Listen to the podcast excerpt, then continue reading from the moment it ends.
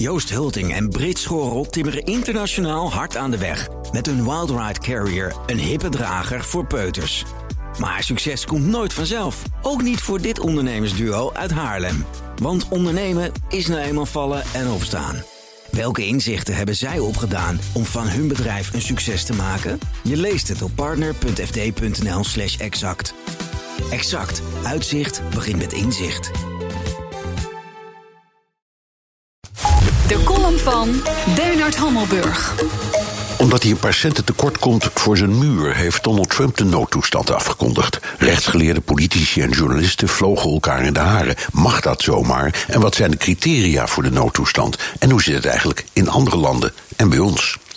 Bij een natuurramp of terroristische aanval of oorlog snap je met je boerenverstand het verband met het woord noodtoestand. Politie en leger mogen zonder uitleg mensen arresteren, media kunnen niet meer alles publiceren, groepsbijeenkomsten worden verboden. Bij ons staat het in artikel 103 van de Grondwet. De regering kan buiten de Tweede Kamer om, via een koninklijk besluit, de noodtoestand afkondigen. Maar als je gaat zoeken naar wat nu precies de grondslagen zijn, is het allemaal wat vager. Wie maakt uit dat er een acuut gevaar is. Strikt genomen Mark Rutte. Toch zit er in artikel 103 een mooie garantie tegen willekeur.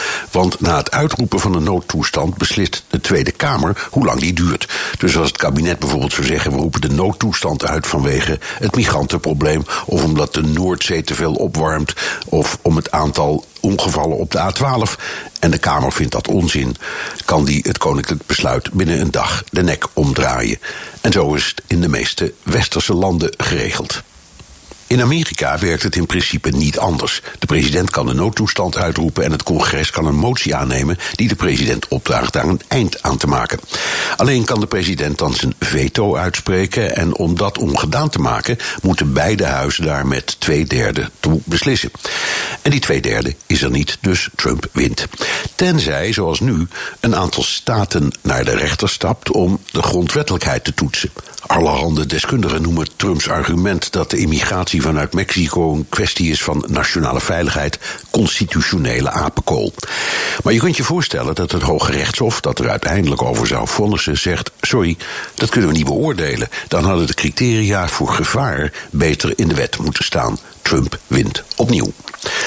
Nu gaat het Trump alleen om geld voor zijn muur. Dat in Baltimore, Boston of Buffalo plotseling burgers uit hun huis worden gesleurd en in het cachot gedumpt, of dat de New York Times een verschijningsverbod krijgt, het is allemaal niet waarschijnlijk. Maar het is een zorgelijke stap naar onttakeling van de democratie. Make America Great Again? Het blijft een lefgozer, die Trump. En dat zei Bernard Handelburg, onze columnist op woensdag. En u kunt zijn column en alle columns van zijn hand... en ook die van onze andere columnisten terugluisteren op bnr.nl... en in de BNR-app, evenals alle podcasts. Joost Hulting en Brit Schorel timmeren internationaal hard aan de weg. Met hun Wildride Carrier, een hippe drager voor peuters. Maar succes komt nooit vanzelf. Ook niet voor dit ondernemersduo uit Haarlem. Want ondernemen is nou eenmaal vallen en opstaan. Welke inzichten hebben zij opgedaan om van hun bedrijf een succes te maken? Je leest het op partner.fd.nl/slash exact. Exact. Uitzicht begint met inzicht.